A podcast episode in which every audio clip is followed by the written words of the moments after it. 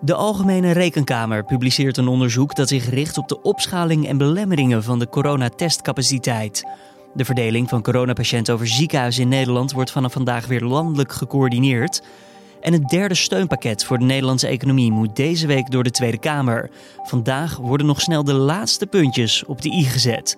Dit wordt het nieuws. Want de plannen voor het derde pakket zijn wel bekend, maar er is ook al wat kritiek uh, geweest, of nogal wat kritiek geweest, van met name PvdA en GroenLinks. En ja, het zou me niet verbazen als minister Koolmees van Sociale Zaken of minister Wiebes van Economische Zaken nog eens even gaat inventariseren wat de wensen precies zijn bij deze partijen. Politiek verslaggever Edo van der Goot vertelt straks meer over wat de oppositie verwacht van het pakket en hoe de Tweede Kamer gezamenlijk de crisis wil aanpakken. Maar eerst kort het belangrijkste nieuws van nu. Mijn naam is Julian Dom en het is vandaag woensdag 23 september. De Tweede Kamer was snoeihard over het kabinetsbeleid rondom de corona-aanpak. Niet alleen de oppositie, maar ook de coalitie was meer dan kritisch. Hoewel de partijen de afgelopen maanden steeds kritischer werden, was het oordeel van de meeste fracties mild en constructief te noemen. En dat is nu dus anders. Volgens PvdA-fractieleider Lodewijk Asscher staat het coronabeleid onder curatele. PVV-leider Geert Wilders zegt dat het kabinet er een bende van maakt. En volgens GroenLinks-voorman Jesse Klaver is na zeven maanden het testbeleid nog altijd niet op orde. Ondertussen nemen de besmettingscijfers met de dag toe in Nederland. Afgelopen vrijdag werden er extra maatregelen aangekondigd voor zes probleemregio's. Daar komen er deze week naar verwachting acht bij, al dus premier Rutte. Bij een woning in Zaandam is afgelopen nacht een ontploffing geweest. Daarover schrijft NH Nieuws. Het is de tweede keer in acht dagen tijd dat er een explosie is in de omgeving van de woning. Bewoners hoorden dinsdagavond een harde knal en roken daarna een sterke benzinelucht. Het is nog niet duidelijk of het om exact dezelfde woning gaat en of er een verband is tussen de twee ontploffingen. De politie doet onderzoek. Voor de kust van het Australische eiland Tasmania zijn nog eens 200 gestrande walvissen aangetroffen. Dat schrijft The Guardian. Het lijkt erop dat alle dieren zijn overleden. Maandag werd ook al een enorme groep van zo'n 270 walvissen gevonden. Reddingswerkers, onder wie wetenschappers, politieagenten en lokale vissers, hebben een poging gedaan om de dieren uit de eerste groep terug het diepe water in te krijgen. Dat bleek echter lastig. Sommige walvissen zwommen namelijk direct weer terug naar de gestrande groep. ING probeerde in 2014 mogelijk sancties te ontwijken door 45 miljoen dollar over te maken naar een dochterbedrijf van een Russische staatsbank. Dat terwijl die bank op een Amerikaanse sanctielijst stond. Dat meldde Trouw en onderzoekscollectief Investico dinsdag. De krant en het onderzoeksplatform baseren zich op ruim 2500 documenten die zondag zijn uitgelekt. De Russische staatsbank stond in 2014 op de Amerikaanse sanctielijst vanwege de annexatie van de Krim door Rusland. ING laat in een reactie aan de krant weten niet te reageren op berichten over individuele klanten of transacties. De Canadese vrouw die zondag werd aangehouden op verdenking van het sturen van een brief met het dodelijke gif ricine naar de Amerikaanse president Donald Trump is dinsdag officieel aangeklaagd voor bedreiging. In de brief stond dat de vrouw Trump nogmaals zou vergiftigen of doodschieten, mocht deze eerste brief niet haar beoogde doel bereiken. De brief werd uiteindelijk in een postsorteercentrum van het Witte Huis onderschept en heeft nooit Trump bereikt. Dan ons gesprek van deze ochtend. Nederland is alweer toe aan haar derde economische steunpakket vanwege de coronapandemie. Dit pakket loopt van oktober tot met juni volgend jaar. Donderdag wordt gedebatteerd over de maatregelen, maar vandaag lijkt ook spannend te kunnen worden. En daarom politiek verslaggever Edo van der Goot in de podcast. Edo, heeft het kabinet genoeg steun voor dit pakket? Ja, dat denk ik wel. Uh, als je ook kijkt naar de eerste twee steunpakketten die al zijn goedgekeurd door het parlement, zag je dat alle partijen hebben ingestemd. Het gaat natuurlijk ook om uh, heel veel geld voor heel veel mensen die allemaal uh, direct hulp nodig hadden omdat de economie deels op slot ging. Dus ja, die steun die is er denk ik wel. Het zou me alleen niet verbazen als, het als kabinetsleden vandaag nog bij partijen langsgaan om te kijken uh, wat zij precies willen. Want de plannen voor het derde pakket zijn wel bekend, maar er is ook al wat kritiek geweest, of nogal wat kritiek geweest, van met name PvdA en GroenLinks. En ja, het zou me niet verbazen als minister Koolmees van Sociale Zaken of minister Wiebes van Economische Zaken nog eens even gaat inventariseren wat de wensen precies zijn bij deze partijen. En hebben ze dat geleerd op ervaring van die eerste twee pakketten om nu nog eventjes vooraf langs de deur te gaan? Ja, dat is ook al eerder gebeurd. Dat zag je ook bij de begroting eigenlijk, die, we vorige, week, die vorige week werd gepresenteerd op Prinsjesdag. toen heeft het kabinet ook een rondje gemaakt, onder andere bij deze partijen.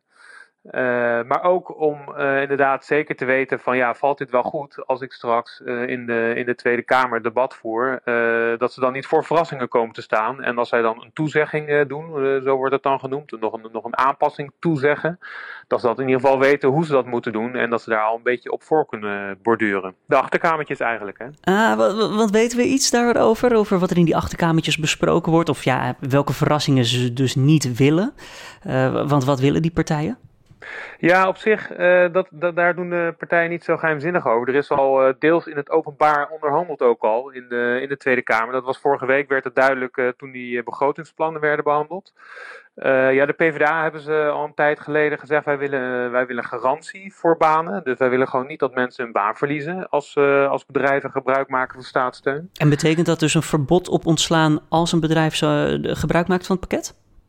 Ja, of een garantie dat er een uh, werk-naar-werk traject wordt opgestart. Uh, of in ieder geval dat, ja, weet je, als je je baan verliest, want dat, dat kan natuurlijk gebeuren. En dat, uh, dat snappen alle partijen wel, dat bedrijven anders gewoon omvallen. Dus dat is op zich niet eens het, het heikele punt. Maar meer dat als een bedrijf afscheid van iemand neemt ja, dat er dan wel garantie komt dat er een omscholingstraject wordt gestart en dat die persoon daarna uh, zo snel mogelijk weer aan het uh, werk wordt geholpen.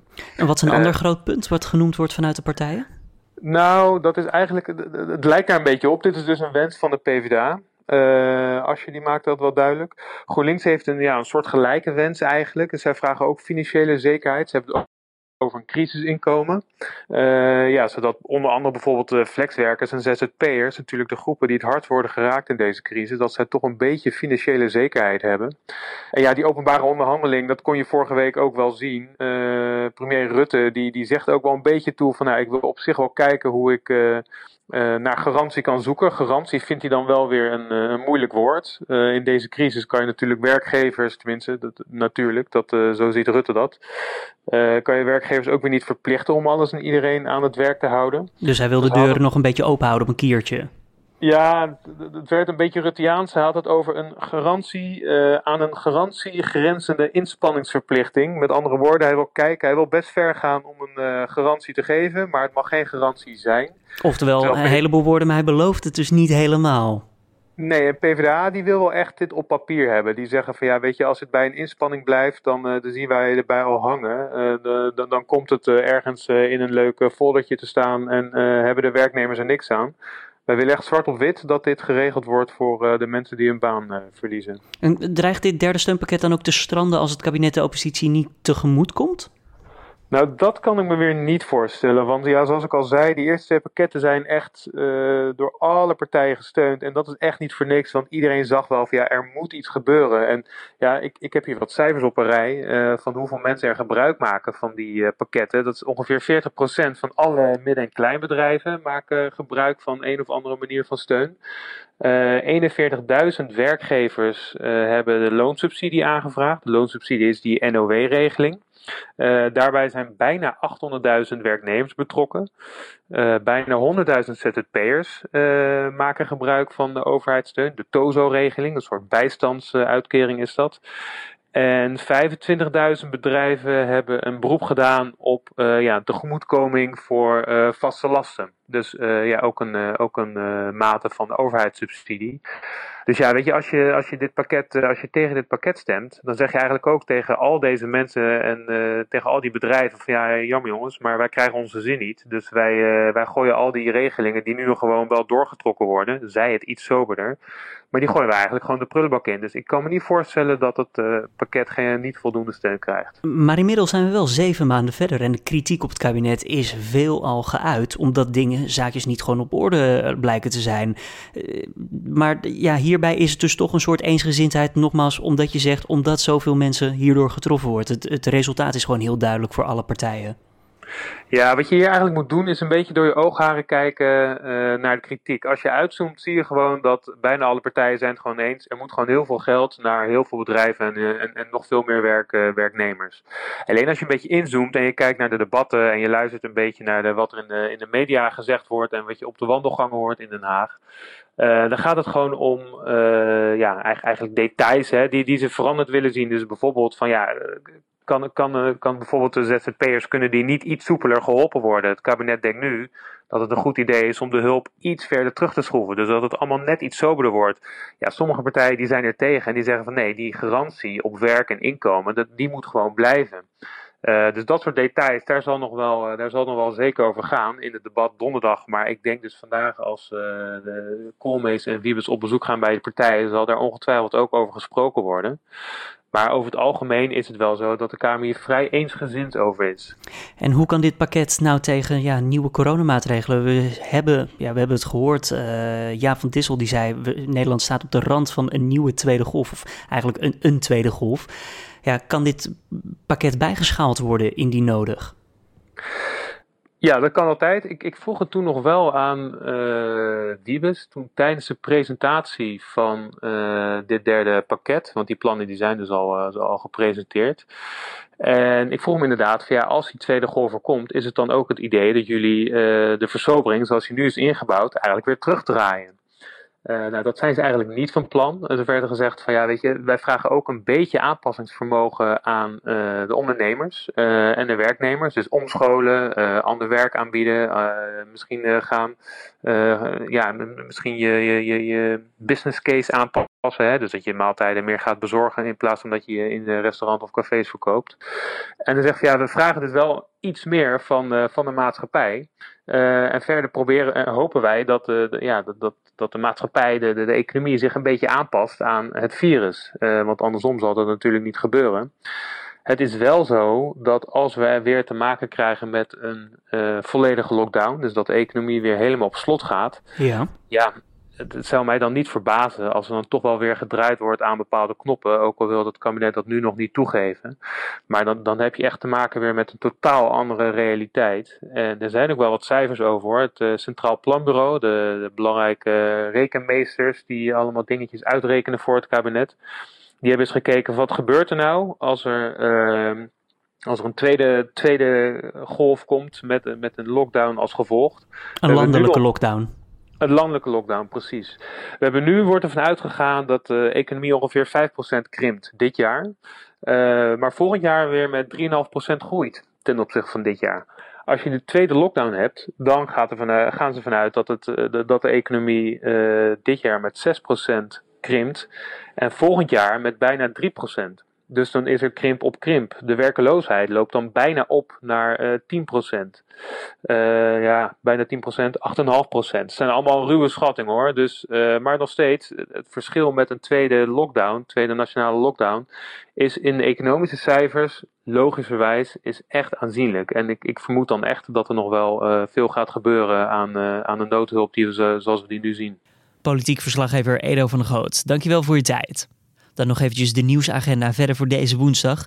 De Algemene Rekenkamer die publiceert vanmiddag het rapport Test op corona. Wat er in het voorjaar gebeurde. Dit onderzoek richt zich op de opschaling en belemmeringen van de testcapaciteit en brengt de taken en verantwoordelijkheden van belangrijkste betrokken partijen in kaart. De verdeling van coronapatiënten over ziekenhuizen in Nederland wordt vanaf vandaag weer landelijk gecoördineerd. Dat betekent dat patiënten uit bijvoorbeeld het westen van het land ook weer in het noorden, oosten en of zuiden verzorgd zullen worden. Het is niet duidelijk uit welke regio's per direct patiënten overgeplaatst worden, al is wel bekend dat ziekenhuizen in het westen van het land het behoorlijk druk hebben. En de initiatiefnemers van een massale aanklacht tegen de Oostenrijkse staat en de deelstaat Tirol geven een persconferentie. Het gaat om verzamelde aanklachten van burgers die op skivakantie waren in Tirol aan het begin van de pandemie. Volgens hen is er toen onvoldoende gedaan ter bescherming van de toeristen. Er is al geruime tijd kritiek op de autoriteiten in Tirol, omdat die niet tijdig genoeg de pistes en liften lieten sluiten om besmettingen te voorkomen. Dan eventjes een vooruitblik op de temperaturen vandaag. Alfred Snoek van Weerplaza vertelt je wat je moet weten. Vandaag komt er een einde aan een periode met zonnig en warm nazomerweer. Temperaturen lopen nog wel op naar zo'n 20 graden in de kustprovincies en 24 graden langs de oostgrens. Maar de zon die gaat toch geregeld schuil achter bewolking. En in de loop van de middag verschijnen in het westen van het land de eerste buien. Buien die zich in de namiddag en avond steeds verder naar het oosten gaan uitbreiden. De wind uit zuid- of zuidwestelijke richting trekt aan en wordt vanmiddag matig. Aan zee zelfs al vrij krachtig, windkracht 5. Na vandaag wordt het geleidelijk aan koeler en blijft het wisselvallig met vooral in de kustgebieden geregeld buien. Dankjewel Alfred. En dan nog even dit. Korte tijd geen internet is al behoorlijk irritant, maar 18 maanden elke dag een storing, dat zal niemand willen meemaken. Toch gebeurde dat in het dorpje Aberrozen in Wales. Al maanden viel ochtends de verbinding weg in het dorp. En dat terwijl onderzoekers voor een raadsel stonden. Zelfs na het vervangen van de kabels bleef het probleem zich voordoen. Uiteindelijk werden ingenieurs uit andere delen van het land daar naartoe getrokken om te zoeken naar de oorzaak. Nou, wat blijkt? Een tweedehands televisie blijkt de stoorzender te zijn. Het toestel werd elke ochtend exact om 7 uur aangezet, waarna het internet in het dorp compleet wegviel. De eigenaar schrok ontzettend volgens BBC News toen bleek dat zijn toestel de oorzaak was. Hij heeft vervolgens beloofd de televisie nooit meer te gebruiken. Dit was de Dit wordt het nieuws ochtendpodcast van deze woensdag 23 september. Tips of feedback zijn altijd welkom via podcast@nu.nl. Vanmiddag hoor je mijn collega Carne van der Brink met de middageditie van deze podcast. Mijn naam is Julian Dom en ik zeg tot de volgende weer.